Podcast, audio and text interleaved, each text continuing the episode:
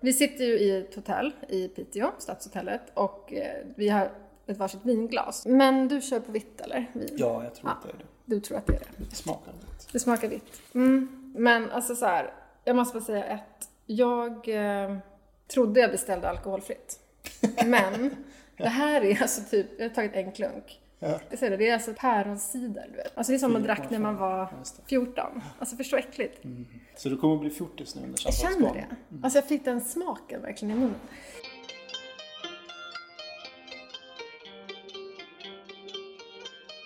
Hej hallå alla debuterade döingar. Ehm, Nina hon åkte till Bokmässan i Göteborg och jag, Lovisa alltså, jag åkte norrut. Samtalet i det här avsnittet kom till för att jag skriver en bok om en plats som jag aldrig varit på. Och för att jag efter drygt fyra års skrivande, eller skildrande, av den här platsen kände att jag verkligen borde åka upp och kolla om jag haft ett enda rätt. Det är alltså Luleå och Torneå jag pratar om, där min bok alltså utspelar sig. Men grejen var att det också, eller i alla fall då, kändes väldigt långt hemifrån, alltså från Stockholm. Och särskilt eftersom att jag egentligen inte behövde göra det. Alltså jag menar, jag tycker i alla fall inte att det är så lätt att ta sig samman och boka en biljett för att ensam och helt planlöst bara åka runt och känna av, eller känna in en plats. Jag vet inte. Och så, och så började jag ångra mig och så bara, jag måste göra det här. Jag kan inte skriva en bok om en plats som jag aldrig varit på. Och så började jag göra lite research för att se om det kanske kunde finnas någonting mer än bara en plats på en karta som kunde dra dit mig. Så jag hamnade på Visit Haparanda. Där hände ingenting de fyra dagarna som jag kunde vara borta. Mm, Visit Boden, ingenting. Visit Luleå, mm, absolut, men inte så kul grejer. Visit Piteå, yes. Där skulle det vara ett författarsamtal. Och jag tänkte, jag kanske bara kan höra av mig till den där författaren och bara säga hej, om jag åker till Piteå, vill du ses och snacka med mig då? Och svaret blev ja, vad kul, vi ses där.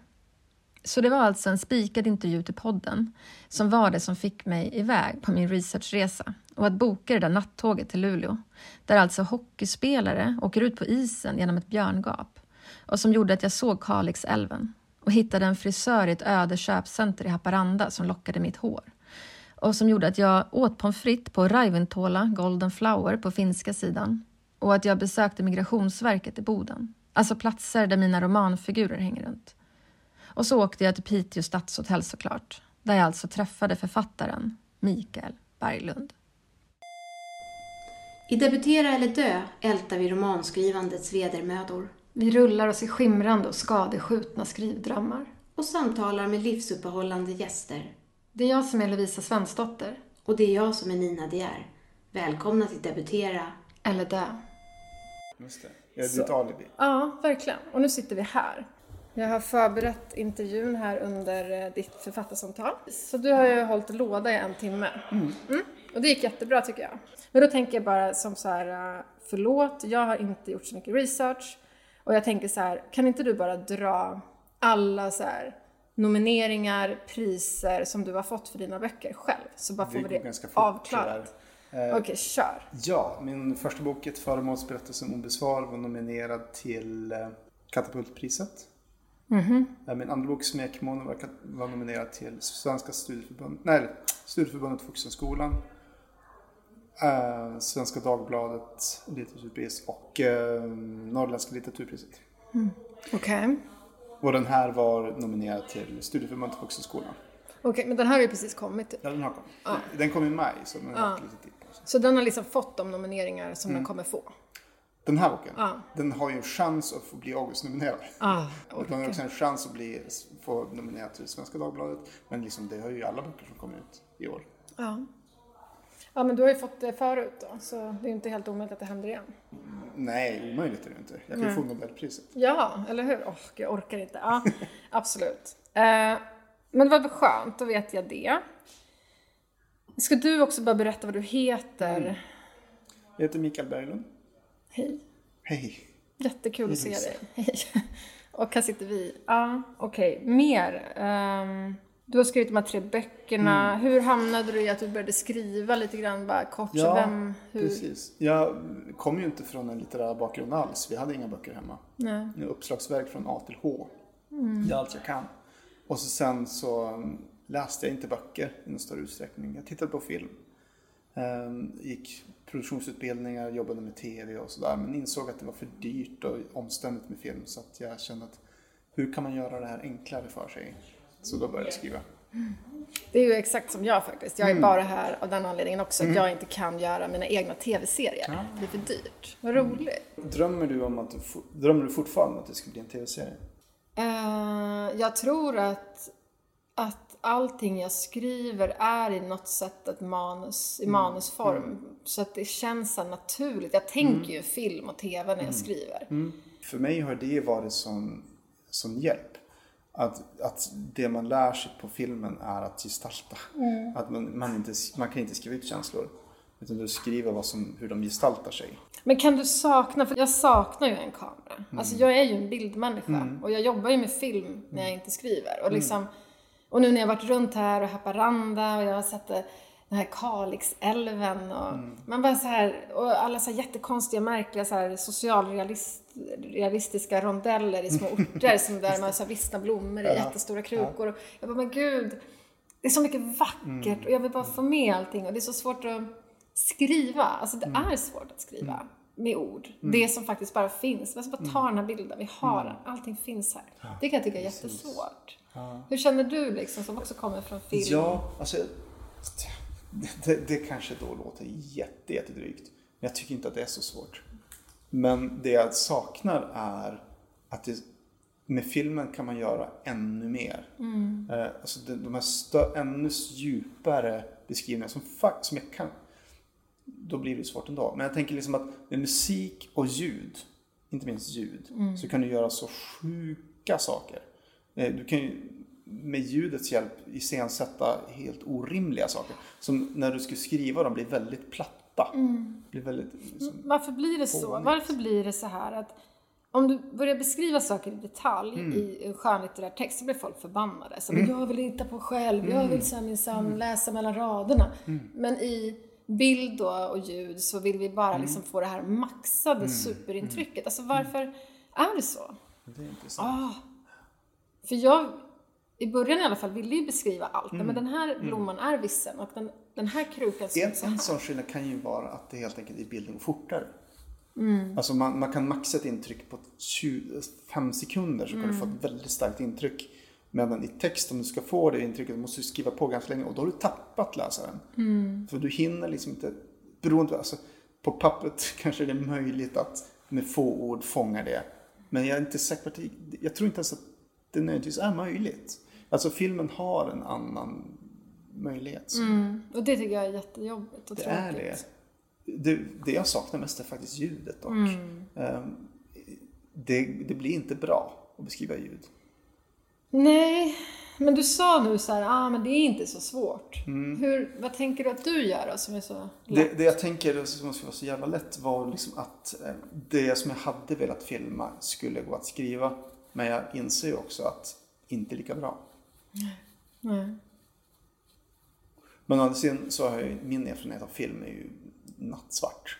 Alltså det är så svårt att få saker gjorda.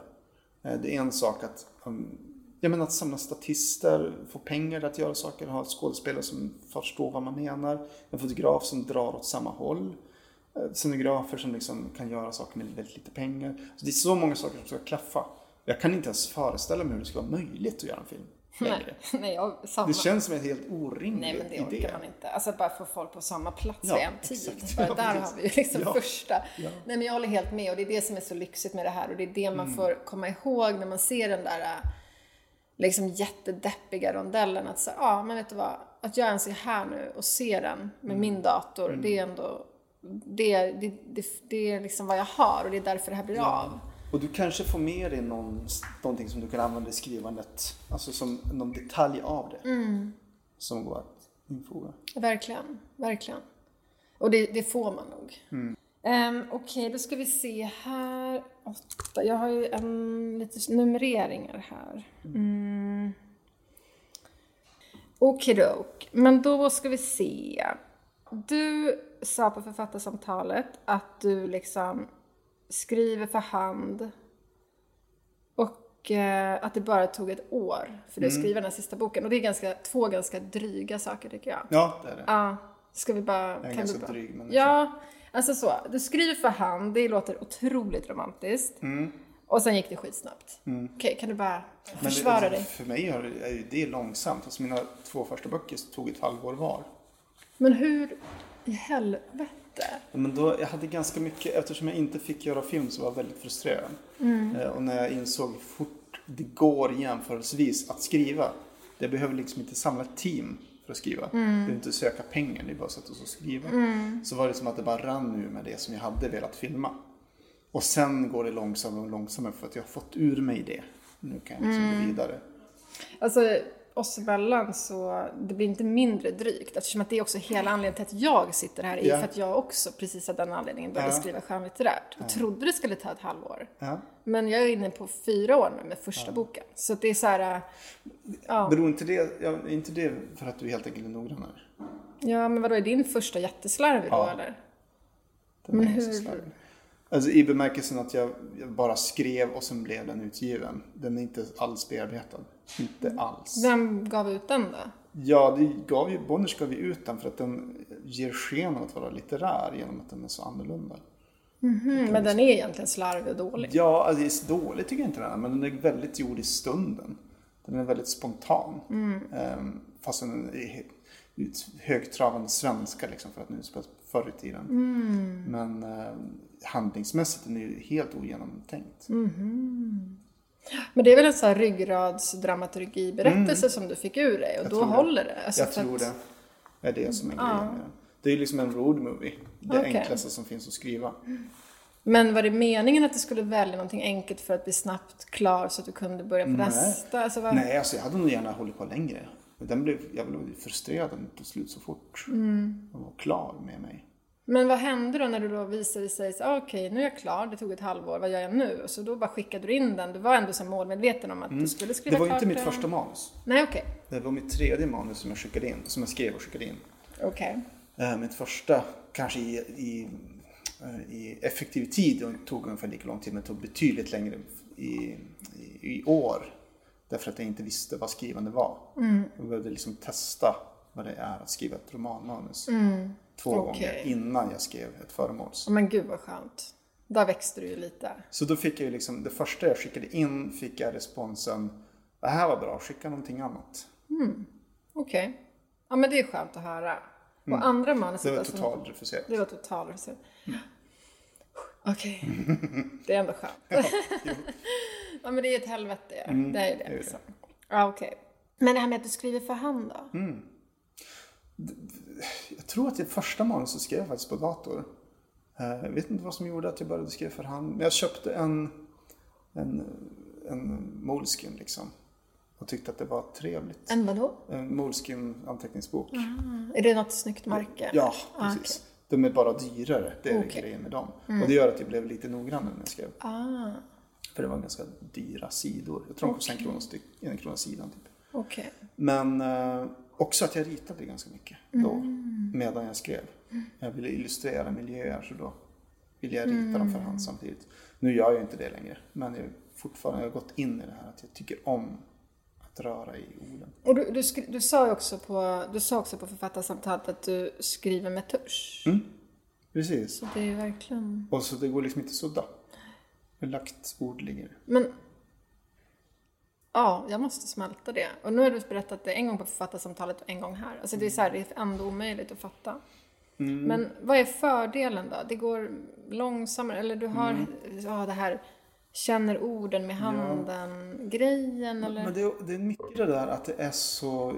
Eftersom jag inte vill radera, det ser så förskräckligt ut på sidan. Det ser hemskt ut. Jag har haft en dålig vecka med skrivandet och syns det på, på sidan. Så man får verkligen leva med det.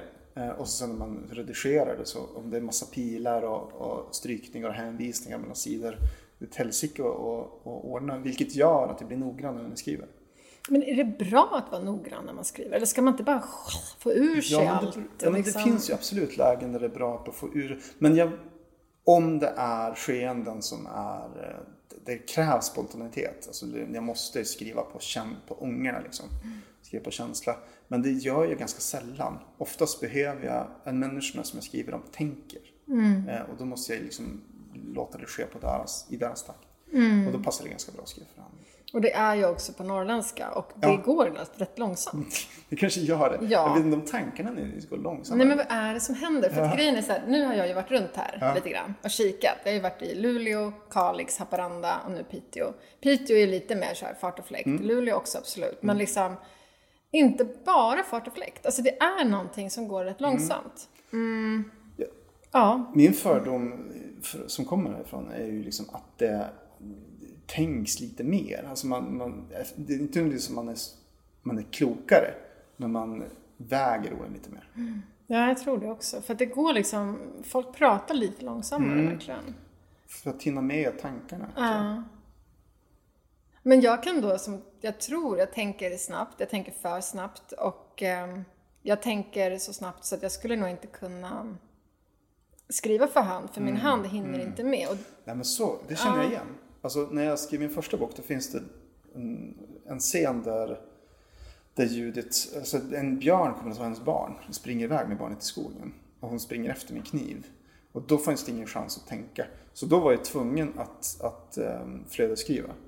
Eh, då satt jag på ett, jag sitter också alltid på café och skriver. Eh, det måste vara någon form av liv och rörelse, jag kan inte ha tyst. Eh, men det ska inte heller liksom vara vänner och släkt som vill ha mig. Utan det ska liksom vara Främlingar som låter. Och gärna barn. Det skapar liv åt mig. Men i alla fall, då skrev jag den scenen och skulle ha, så kom en vän emot mig. Men lyckligtvis förstod vännen på mitt uttryck att det passar inte här. nej, Så vi avbröt det mötet och hon liksom bara vände och gick. ja. För att hon såg att här är inte läge. mm, och då skrev du vid dator. Nej, då skrev jag för hand. Du skrev för hand. Och precis, men då får jag ju kramp i handen. Bokstavligt skrivkramp. Alltså Ja, det, det går så fort. Så att det liksom, och jättesvårt att, att renskriva. Ah, Okej, men så egentligen är ordet skrivkramp, om man tänker att det är ett gammalt Mm, uttryck, så borde Ja. det egentligen betyda någonting helt annat än vad vi har använt det till idag. Alltså Ja, just det. Precis. borde Exakt, det borde nästan vara motsatsen. Ja, precis. Faktiskt, jag skriver för mycket. Ja, det går för bra. Ja, Ja. just det. Det ligger något, Intressant. jag har inte tänkt på det. Nej, Men det- då, då upplevde jag oftare när jag skrev snabbare än vad jag gör idag, så upplevde jag då och då att jag var tvungen att ta paus för handens skull. Men du valde inte datorn, det var inte det som var... Nej, det var aldrig aktuellt. Jag, jag har testat ibland att skriva på dator för att jag inte haft tillgång till papper eller för att jag liksom kände att jag skulle känna in tid. Men det blir sämre text. Jag, skriver, jag skriver sämre på datorn än jag skriver för hand. Intressant. För att jag har möjlighet att radera, tänker jag. Det är ju verkligen jättespännande och eh, ja, jag skriver ju på kvitton och på kuvert Mm. som du ser här. Det är liksom utspritt överallt. Men jag skriver ju mest i dator, eller jag vet faktiskt inte när jag tänker på det. Det är anteckningar på mobilen, det är servetter, det är kuvert och dator. Jag vet inte, det är inte Mm. Men jättebra. hur, hur ordnar du det? Ibland skriver jag ut allting och tänker att jag ska lägga det i någon slags ordning och sen Mm. klippa och klistra ihop allting. Alltså, För det, det tänker jag också är en sån här skillnad. För jag vill inte göra det. nej. Jag tycker inte om det. Så därför vill jag ha allting samlat som det ska vara. Direkt i boken. Det ska inte finnas någon annan form för det. Utan det jag skriver det är de ord som ska ligga i boken. Ehm, och det, det gör mig mer noggrann när jag skriver. Men det gör också att jag liksom har överblick. Över vad jag håller på med. Det får man ju verkligen säga. Men det låter väldigt så här otroligt att kunna så veta hur boken ska bli innan man är klar och veta att det här är de sidorna i den här ordningen Mm. ska den här berättelsen Och, Men det, jag, tycker det har, jag tror att det har mer att göra med att man bestämmer sig för det. ja. Jag bestämmer mig att det här ska vara linjärt. Och då skriver jag så. Och också att jag som person är linjär. alltså, liksom, jag tycker inte om att hoppa i, i tiden. Nej. Nej. Ja, Jag är ju inte, jag är mer bara en expansiv person Mm. så att jag, min historia växer ju hela tiden. Vilket gör att jag någon gång, kanske som du, man får bestämma sig också. Så här, Okej, sluta samla material. Mm. Ja. Bara skit i det. Ja men så är det ju. Ja, stopp. Verkligen. Jag, jag också, det är också kanske som också är avgörande. att Jag, jag, jag har inte en researchfas. Nej. Utan research är något som jag gör löpande när jag behöver det. Jag kan ringa någon mitt i en mening och fråga liksom, vart ställer man upp det här tältet? Är det rimligt att ställa det på den här platsen? Har du gjort det? Hur säger man det här? Mm, Men så jobbar jag också. Det är väldigt roligt att man, man samlar vart efter. Ja. Eh, det blir levande tycker jag då, hela processen. Och då kan man ju också hitta nya vägar som sen leder framåt. Ja, och man kan få såna anekdoter som är helt, man kan ta dem rakt upp och ner. Ja, verkligen. Men det har jag tänkt på nu när jag faktiskt har åkt runt och kollat för att liksom på något sätt ehm, göra min text så här, få den legitim. Att jag liksom faktiskt åker upp också och kollar hur det ser ut. Eftersom att jag skriver om en plats där jag inte varit. Så är det ganska intressant att se att typ allting jag har hittat på har jag varit med om sedan jag kom till Luleå och vidare till Haparanda. Jag till och med hittade en galleria med en frisör Ja. och gick in och klippte mig precis som en av karaktärerna gör. Alltså allting, man hittar inte på så jävla mycket skit Nej. ändå. Allting, och Sverige, allting ser typ likadant ut. Det är bara lite, vet jag. Nej, men jag tror inte heller på, jag tror inte på det här med att titta på text. Jag tror dels inte att det blir bra, jag tror inte, inte ens att man kan. Det kommer någonstans ifrån. Mm, det kommer man kan någonstans inte ifrån. ta saker ur luften. Nej. Och det, om du liksom föreställer dig hur livet är i Piteå innan du åker hit så kommer du förmodligen ganska nära. Eller Alltså du, du kan ha fel på vissa punkter, liksom var ligger Migrationsverket? Men det är inte så avgörande punkter. Som, hur, hur tänker människor? Ja men exakt, och det är då man gör som du gör, eller som gör att man ringer mitt i en mening och frågar var ligger Migrationsverket? Mm. Ja, Bra, punkt. Eller googlar. Så att, nej men det är också fint, man behöver inte vara så hård mot sig själv, Mm. man frågar vart efter liksom. Jag tror inte heller på research i början, Mm. bara personligen, för jag tror att man blir helt fucked Men jag har faktiskt gjort lite grann som du också. En gång jag skrev ett manus som utspelas helt och hållet i Japan. Innan jag hade varit i Japan. Ah, Och då skrev jag utifrån ett japanskt berättarperspektiv. oj. Så att det skulle liksom vara ett icke-västerländskt berättande. eh, Där det fanns västerlänningar, vä- västerlänningar med. Och sen skrev jag boken klart, skickade inte in den, men åkte till Japan en månad och gjorde research för att bekräfta eller dementera min egen text. Okej. Eh, Det tyckte jag funkar jättebra. Ja men det är ju precis samma sak. Ja. Men, men hur mycket fel och hur mycket rätt hade du skulle du säga? Det, ja, den text jag hade skrivit var inte så fel, men jag skrev en ny bok. För jag fick andra insikter och insåg att andra saker blev viktiga för mig. Att det jag hade skrivit var säkert helt korrekt, men inte så intressant. När jag hade besökt platsen insåg jag att andra saker är djupare eller på något sätt mer angelägna. Men vad intressant ändå att du hade rätt, eller liksom att det var... Ja, alltså det, det var så pass nära så att jag hade en bild av att det skulle, borde, det var på en, en lugn stadsdel av en stad jag inte besökt. Eh, liksom en sovstad där liksom folk bara bodde. Jag tänkte det måste ändå finnas en närbutik. Även om det inte finns på Google Maps måste det finnas en närbutik. Och någonstans i centrum av det här, en liten närbutik. Och mycket riktigt fanns det en liten, liten närbutik.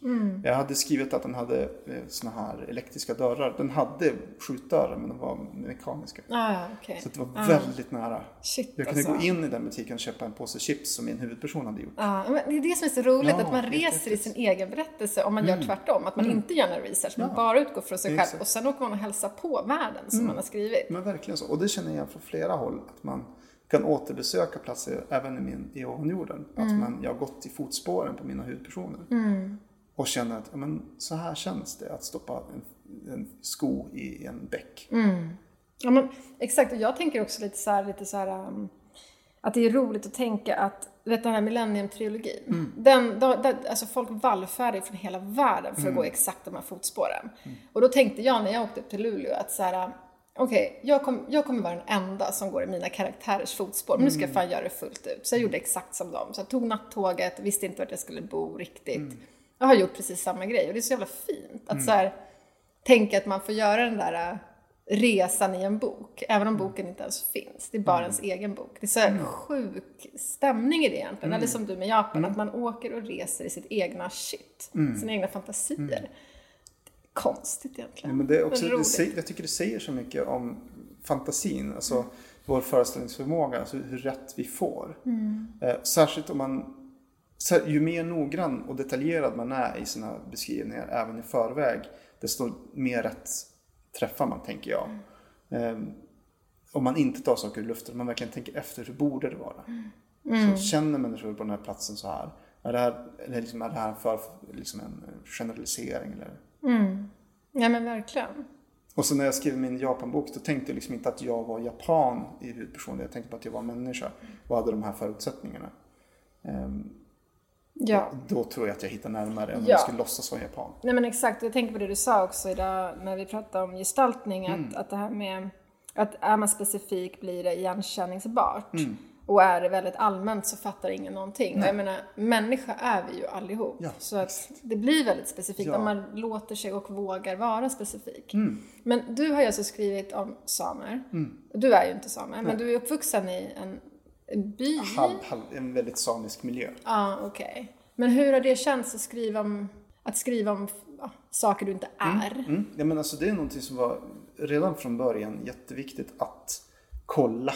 Är det här okej? Eh, får jag någon, jag har liksom nästan sökt motstånd hos människor som är uttalat liksom, emot kulturell appro- appropriering. Som är liksom bemöter, som frågar liksom, det jag gör, är det problematiskt och finns det någonting jag kan göra av det? Men jag har liksom bara fått positivt. Jag har nästan velat ha mer motstånd. Varför är de så positiva till att du ska skriva om Jag samer? tror, jag tror att det är dels att jag frågar. Eh, Men också att eh, ja, gör, man det liksom att man helt enkelt beskriva människor. Om det är det som är utgångspunkten. Det är klart att folk vill bli omskrivna. Men om, om jag gör det för att de är samer. Om jag gör det liksom att jag exotifierar eller liksom gör det specifikt. Att jag gör den här boken därför att jag tycker det är spännande med samer. Då blir det problematiskt. Men, men det är inte det som är utgångspunkten. Nej, nej, jag fattar. Har det varit svårt? Eller har du kunnat den kulturen så pass väl? Jag har lärt mig väldigt mycket. Eh, Jag kan ju inte superväl, men jag, jag kan ju den kontexten som finns i Ammarnäs där jag liksom uppväxt. Eh, Och sen har jag kusiner som är renskötare. Så jag kunde fråga liksom nära släktingar och vänner vad, hur ser det här ut? Och sen är det ju också så att det ser väldigt olika ut. Alltså samer har väldigt olika förutsättningar. Man kan vara olika, alltså känna sig olika välkommen i sin egen kultur. Det kan ju alla liksom skriva under på. Ja.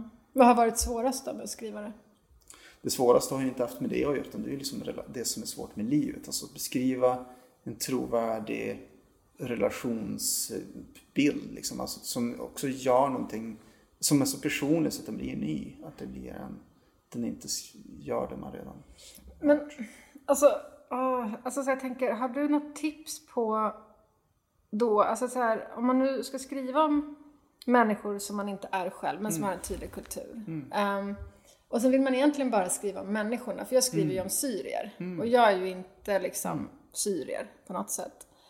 Eh, liksom har du då något tips på hur man kan göra? För att jag är ganska ointresserad av allt det där som inte spelar någon som helst roll. Som religion eller liksom mat. Egentligen, jag skiter i vilket egentligen. Om jag ska vara ärlig. Jag är bara intresserad av hur det känns att komma till en helt ny plats på grund av krig. Det är det enda som intresserar mig. Eh, men ska det bli trovärdigt så måste de såklart ha med sig den här kulturen på något sätt. Hur har du gjort för att liksom skala av så mycket av det, inte tråkiga, men det som man kanske helst Nej men absolut. Det finns ju ganska många delar av Eijas tillvaro, hon är ju renskötare då, som jag inte lyfter upp så mycket. Det finns det ganska lite renskötsel i boken egentligen. Är, så hur ska jag säga, större del av hennes vardag är inte med i boken. Eh, för att en så stor del av hennes vardag är samma som vår. Eh, eller i- just som du beskrev det här med mat och, och liksom kläder och sånt. Det sa du inte. Men, men alltså sådana saker är inte så intressant att läsa om. Eh, Även om det skulle sticka ut så säger det ingenting om personen. Det är bara att det här är en vanlig maträtt eller det här är en vanligt klädesplagg eller en vanlig uttryck eller så. Ja. Det är inte så intressant. Men kan man slippa skriva om det? Alltså hur mycket bör det. man ha med och hur lite Det är bör mer, man tycker jag, liksom att man hittar en sak och gör den riktigt noggrant.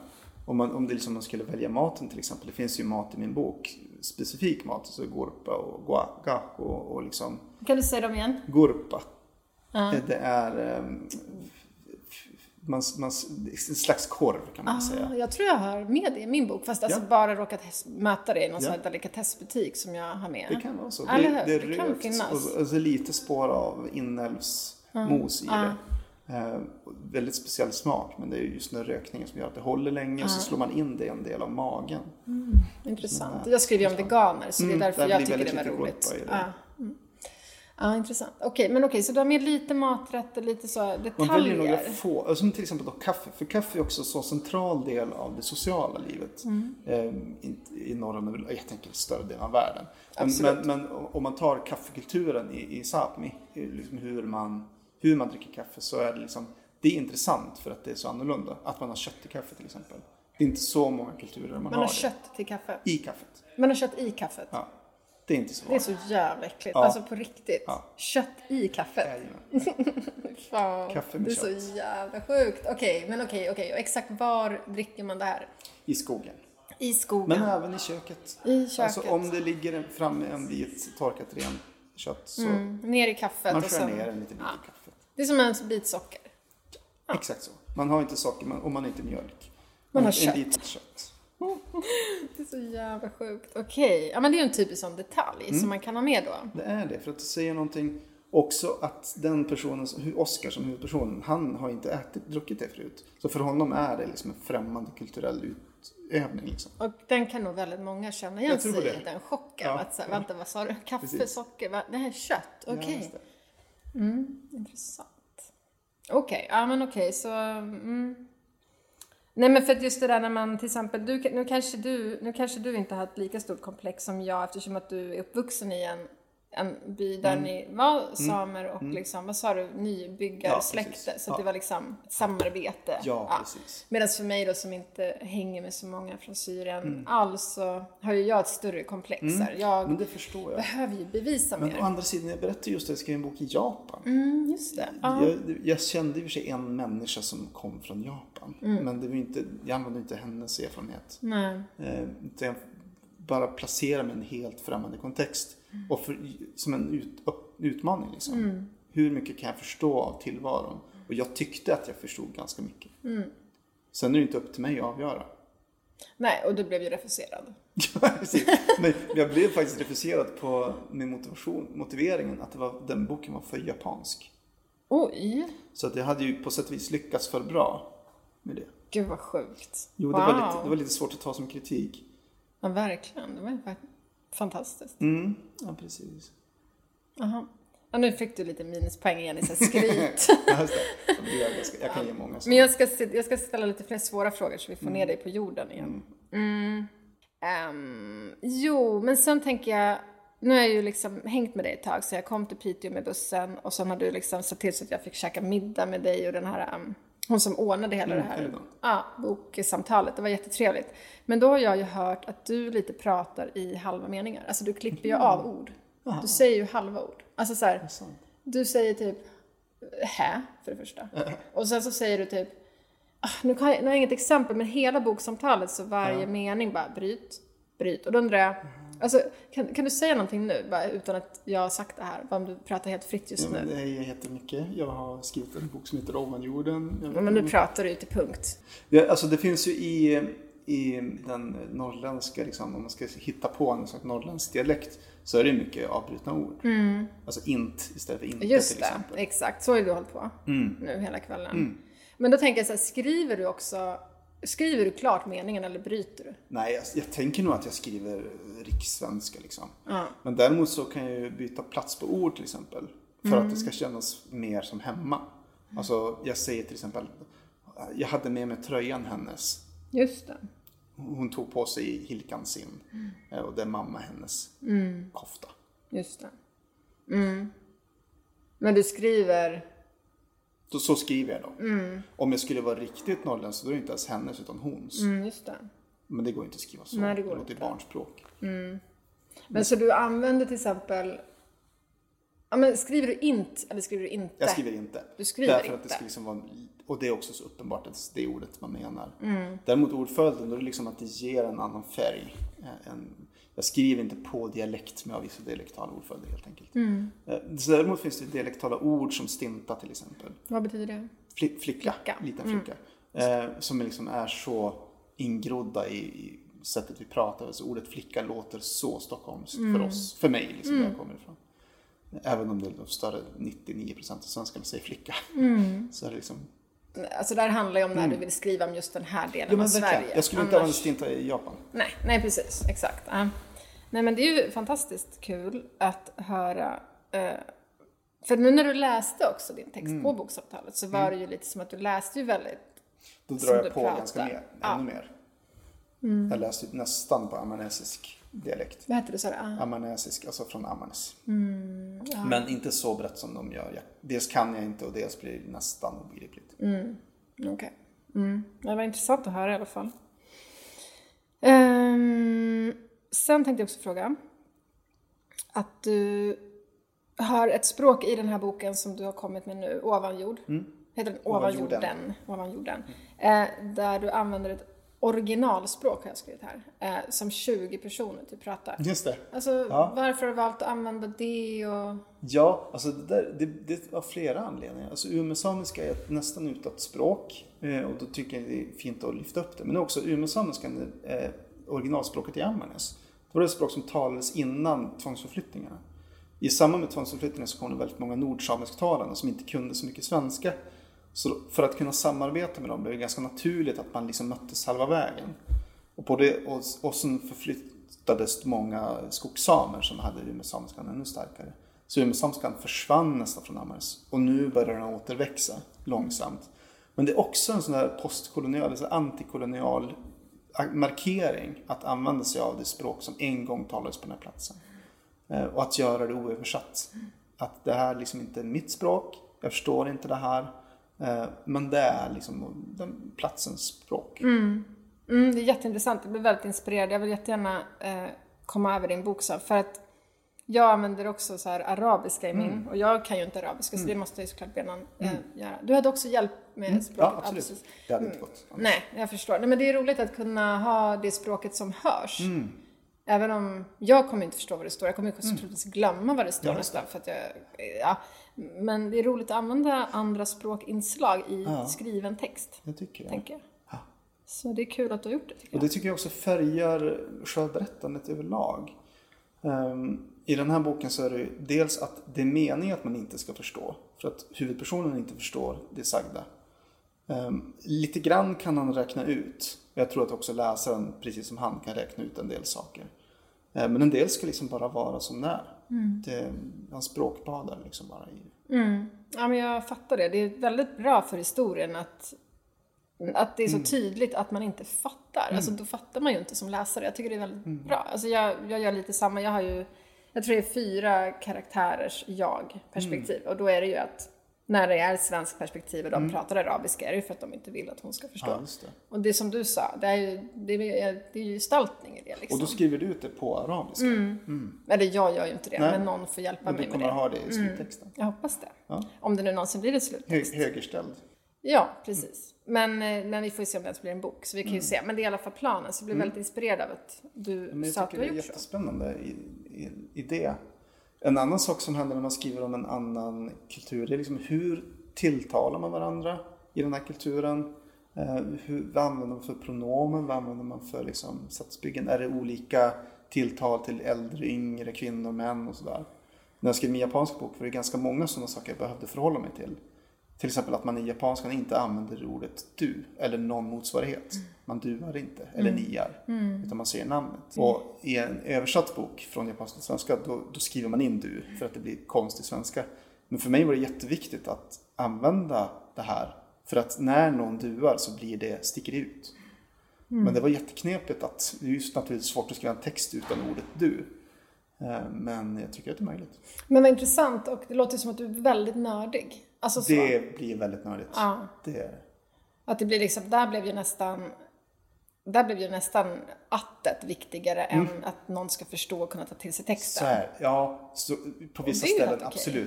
Att det liksom stör läsningen. Men också Ganska- kul att göra tycker jag. Alltså det Ja. finns en poäng i att fucking göra Ja, det. men exakt. Alltså det, just Alltså, utmaningen i sig kan skärpa sinnena. Att man blir lite noggrannare i, i största allmänhet. Ja, ja men faktiskt. Absolut. Mm, jo, sen en annan grej som jag tänkt på.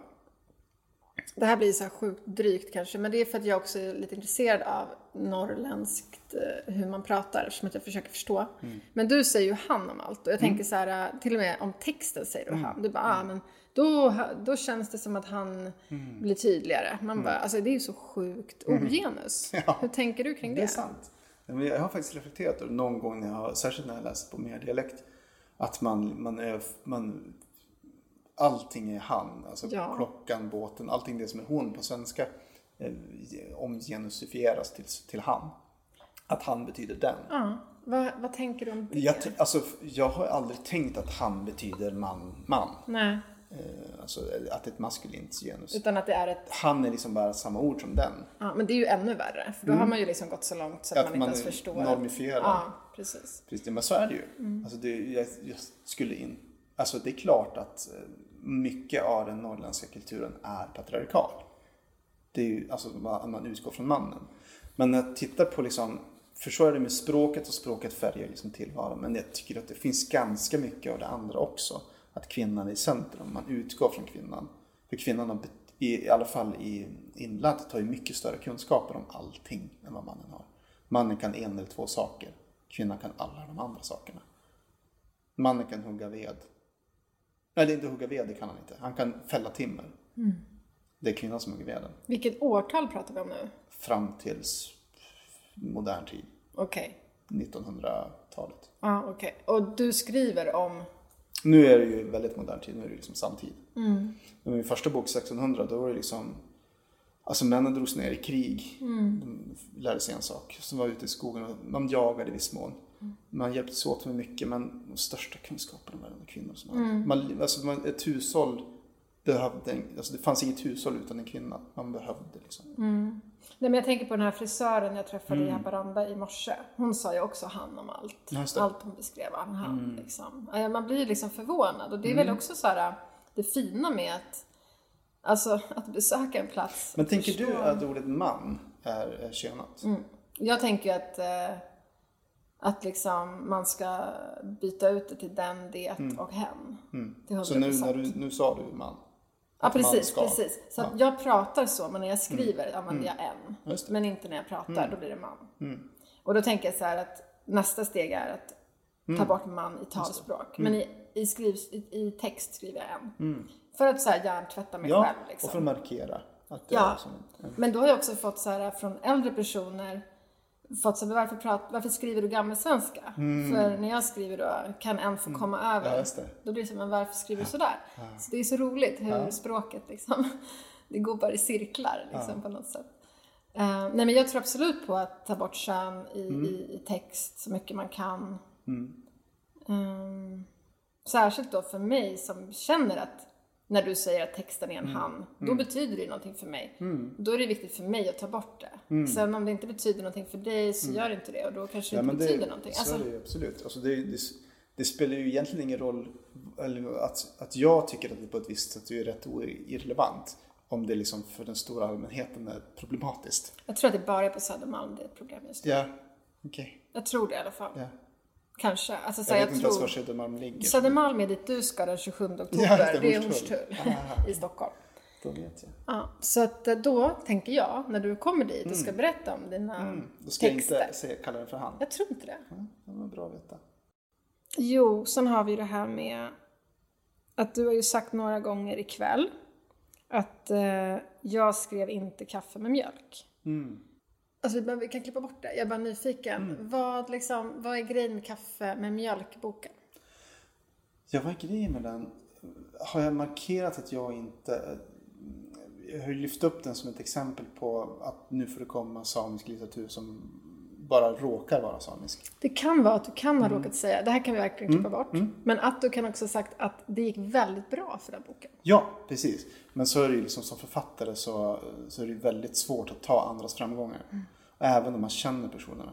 Eh, och det där är ju jättejobbigt. Alltså när man tycker om en människa, man framförallt tycker om deras bok, tycker jättebra om den. Men det är jättesvårt att vara vuxen i den situationen och känna att nu unnar jag dig det här, framgången. Du har förtjänat den. Jag skulle också ha förtjänat framgång. Men nu fick jag inte det. Och det är inte ditt fel. Den, eh, den eh, konflikten är svår tycker jag. Ja, Eh, Och det är klart att med facit i hand så det är klart att jag kan unna. ja. Men, men, men, Men är jag har det? fortfarande en kä- ja, men exakt, hur kul är det? Jag har också en känsla av att, ja men min bok då. Innan min ovanjord blev antagen så, så läste jag in en halvtimmes klagomål över att den inte blev antagen. Och jag beskrev det som att jag hade ett, ett, ett, en sexåring i handen och vi skulle gå till förskolan. Han skulle skolas in på förskolan. Men kön blir längre och längre framför oss av människor som går före. Och då skulle jag beskriva för den för, för sexåringen att det är inte dig det är fel på. De andra bara hamnade här och de behöver också gå i förskolan. Det, det, vi ska nog få vår tur så småningom. Tålmodigt och fint av Ja. dig, av dig, mot dig själv. Ja, Att, men det blir också lite drygt eftersom de sen en månad senare blev antagen. Men jag Just det. trodde ju inte det då. nej. nej, men det, det är svårt med andras framgång, jag håller med. Mm. men, eh, Sitter du mitt emot en utgivande författare? ja men exakt. Det är jättesvårt som utgivande författare att, att se vad man har fått. Är jätte, jättesvårt. Att liksom slappna av och känna att du har blivit utgiven. Håll käften. Jag har haft tur. Och också som tur att jag liksom... Det är ju faktiskt ett nålsöga. Eh, Jag har haft en förläggare som tyckte om mitt manus. Och det är liksom på Bonnier så är det, jag vet inte om det är 12 förläggare eller något sånt där. Som ett möte där en person ska liksom vara eh, jag vet inte om det här stämmer, men jag har en bild av att liksom där en person ska liksom vara champion för ett manus och övertyga resten av förlagsgruppen att det här är utgivningsbart. Eh, Men det krävs ju att den personen tycker det själv och kan övertyga de andra. Precis, man ska ha någon på insidan. Ja. Eh, Och det krävs ju, det är ju bara en lyckträff att man har träffat den personen och läst mitt manus. Ja, men du sa det att du hade fått se då att din förläggare Mm. hade visat dig en hög. Eh, Det var en ganska hemsk bild. Kan du Det inte är det. berätta den bilden? Ja men alla, det är också liksom, det, sådana höga finns ju på alla förlag, alltså refuserade manus. Och det var alltså debutanter som hade skickat in manus, på den tiden man fortfarande skickade hand, utskrivna manus. Eh, Så luntor med år av arbete. Det var 2000 manus i den högen. Som hade skickats in det året. Oj, Och min var inte i den högen. herregud. Så det är ju en bild man kan ha på Men också en sjuk grej att visa någon som mm. ska vara jävligt tacksam liksom. Det här ska strimlas och det faktiskt. ska... Det är en härskarteknik. Det är lite härskarteknik, så efterhand ja, ändå. ja. Ja. Men, Men det är också, tycker jag, jag ser det på, åt andra hållet, liksom, att det är liksom att... ehm, att... Uh, vad, vad fint att vi fick ut i en bok, att den inte hamnade här. i, strimmel, i strimmelmaskinen Exakt, i liksom. makulatorn. Ja, det är tungt alltså. Men som du säger, just att det är år av jobb. Det är inte en hög med papper, det är Mm, Nej, år precis. av jobb. Och hela liv, hela drömmar Mm. om författarskap som bara mals ner. Bokstavligen Mm. mals ner.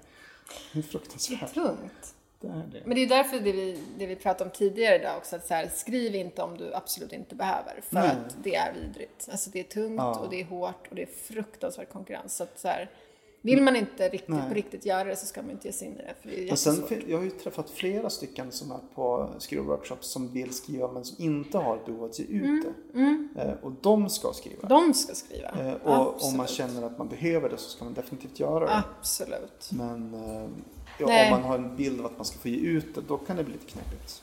Verkligen alltså. Nej men så det är faktiskt väldigt sant att skriva för själen, bearbetning, massa saker. Det är ju ett verktyg vi har för att kunna komma vidare i Väldigt livet. bra liksom. verktyg. Så det är otroligt givande. Ja. Många sådana här workshops jag hållit är praktiskt taget parterapi, eller gruppterapi. Mm. Inte parterapi.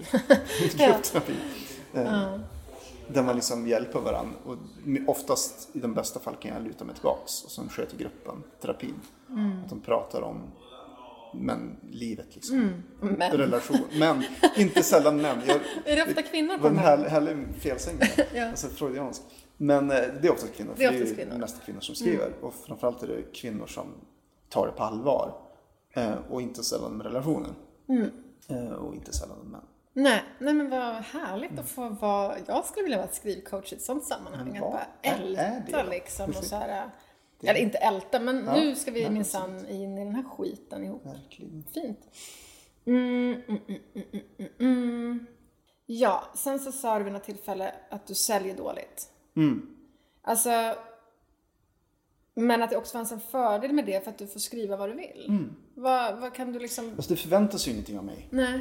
Eh, och mitt förlag, min förläggare och mina läsare har ingen särskild bild av vad nästa bok kommer att vara. Eh, om jag hade skrivit en genrebok så hade det kanske funnits större förväntningar på vad nästa bok ska vara. Om det är liksom en serie eller om man har ett sätt att skriva. Det är klart att jag har ett sätt att skriva, men jag är ju liksom en person som har ett, Ja. som har ett sätt att skriva. Så att de kommer ju att bli besvikna om jag skriver någonting helt annorlunda kanske. Men det, det, jag- känner mig inte alls bunden till en form. Nej. Eftersom det är inte så många som läser mina böcker. Men vad gör du för att överleva? Alltså, Ja, alltså jag, bo, boken är en väldigt liten del av min, min livs, alltså min årsinkomst. Så Ja. jag jobbar på ett café där jag bakar och kokar soppa och står i kassan. Det är så jag men du, mig. ja, okej. mm. Och det, men var inte det bokcafé? Mm. Ja. Precis, men största delen av arbetet är ju inför Soppa, sopp- kaffe. Mm. Ja, precis. Exakt. Kaffe med kött. Kaffe med kött. Faktum är att det, är kaffe, det, det är inget kött på den. Nej, okej, det är veganskt Ja. eh, café. Ja. Okej, mm. Ja, okej, okej. Så du försörjer dig inte som författare då, med andra ord? I höst Mm. gör jag det. Vad sa du? I höst gör jag det. I höst gör du det? Jag har så pass många föreläsningar i höst, sådana som jag har haft ikväll till Mm. exempel, så att jag kan leva på det gott och väl. Sweet. Men eh, bara i höst och sen Mm. tar de pengarna slut. Det vet jag inte. Det kan ju bli fler. Det kan ju bli fler, Mm. eh, absolut. Ja men fan vad mysigt att ha en sån höst framför sig. Mm. Men har du redan en, en fjärde bok i huvudet liksom? Jag har ju ingenting i huvudet på så sätt. Alltså jag kanske har någon form av idé var jag börjar. Eh, Men inte var nästa mening. Jag, det jag skriver nu till exempel, jag har ingen aning. Jag tror att jag är på väg till en person som grillar ute på en udde. Jag är inte säker på att, jag, att personen som berättar personen kommer att komma fram. Är det i Västerbotten? Mm, för du skriver väl mest om Ja. Västerbotten? Ja. Ja. Jag tänkte också på det du sa, att folk inte förväntar sig så mycket av dig. Men jag tror att de Mm. gör det. Att de har ändå, du har nog en ganska tydlig nisch. Mycket natur, mycket Ja, liksom... Ja, Men det är liksom som att man kommer från Stockholm som inte har någon urban. Det, det är jättesvårt att tänka sig ens. Det är klart att man är ju den mylla man... Alltså har man sett mycket av relationer till exempel så är man helt ointresserad av att skriva om det. Det känns lite konstigt. Nej men verkligen. Nej, men vi har ju våra saker vi cirkulerar Mm, ja, runt men liksom. Så jag tänker att, jag tror att läsarna förväntar sig att det ska handla om Västerbotten och natur och eh, säkert Ja. relationer. Ja, precis. men, ehm, men det är kul att du känner dig fri, för det är alltid Ja. Mm. en härlig känsla. Och att fjärde boken kanske ändå kommer cirkulera runt samma. Kanske. Men det får vi se. Men alltså okej, så du har en fjärde bok, kanske, Mm. vem vet? Vilket i så fall ska vara med tionde manus. kommer jag också Ja. ha i åtanke. Och det är ju skönt Mm. att höra. Verkligen. Jag uppskattar att du lägger till de där små, Mm. små, liksom, små plåstren då och då. Um, Okej, men eh, du var också på Bokmässan precis. Mm. Du kommer därifrån nu. Hur var det? Jag sålde en bok. Så du sålde mer böcker här i Piteå än vad du sålde på Bokmässan? Ja, faktiskt. Ja, det är skumt. Mm. Men hur är det? Hur funkar det? Alltså jag fattar inte. Du åker dit och säljer dina egna böcker. Nej, ja, Eller liksom- ja Bibi säljer dem åt mig. Ja. Sina böcker. Men liksom, men du pratade ju till exempel om att nu när du gör en ljudbok så är det du som står för det. Alltså hur funkar det? Du ändå utgiven på Bonniers liksom. Det är för stor kostnad för dem, helt enkelt. Det är för stor kostnad Ja. för dem. Så du gör en egen ljudbok Ja. fast du har dem som... Ja, precis. Jag tar över rättigheterna till ljudbok, ljudboken och sen läser jag in dem på eget förlag. Skaffar ett eget ISBN-nummer. eh, Läser in, klipper, producerar, mixar, ger ut Wow. en bok. Okej. Och går back. Ja. Okej. Intressant. Men det vet man väl inte heller. Det beror på hur många som lyssnar antar jag. Så är det. Absolut. Man skulle kunna gå plus minus. Jag skulle kanske kunna gå plus minus noll om ett par år. Men nu betalar du för Mm. att göra en ljudbok. Ja, precis. För att ha den tillgänglig. Så det är en annan grej så här att man, liksom, man, man sliter sitt hår liksom för att kunna göra någon form av marknadsföring kring sina grejer. Jag har gjort liksom animationer, jag har gjort videos, trailers till min bok. Jag har komponerat musik till den för liksom att lyfta den. Så tre personer lyssnar, sett trailern. Men det är ju lite som att ha en podd. Alltså så här, Mm. Jag gör ju det här bara för att jag tycker det är så sjukt roligt att träffa folk som skriver. Apropå bara känslan att säga, Mm. ja vad fan håller jag på med? Man kanske lägger så här tre dagar, man kan lägga veckor på att klippa ett sånt avsnitt. Mm. Men det är så här, i slutändan är det kanske bara jag och Nina som lyssnar. Mm. Man vet inte. Det är också så roligt att få göra. Mm. Till liksom etern. Ja men verkligen. Jag tänker det i skrivandet också, att jag märkte när jag skrev mina första böcker hur jäkla kul det är att skriva.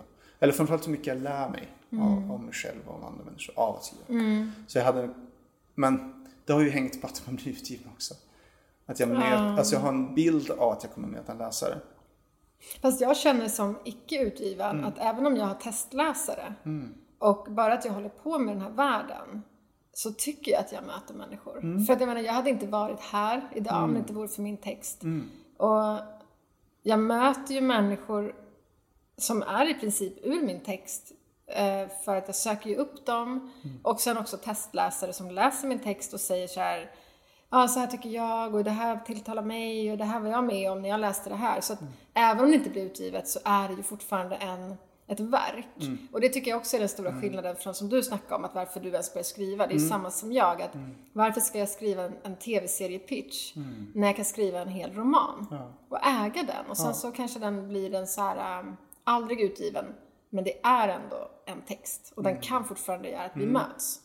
För folk kan fortfarande läsa den. Ja men gud, tack snälla för att du ville vara med. Mm, och eh, skål, nu häller jag upp lite mer av den där äckliga päronsidan. Var den äcklig? Så jävla äckligt. Ja men det blir som man minns fyllor som man inte Ja, borde minnas. Ja, men det är det. Det skulle bli fjortis. Mm. Vi får se. Mm. Vi får se vad som händer här i Piteå i natt. Förmodligen ingenting. Nej. Eller hur? Ja men jättekul att du ville vara med. Väldigt trevligt.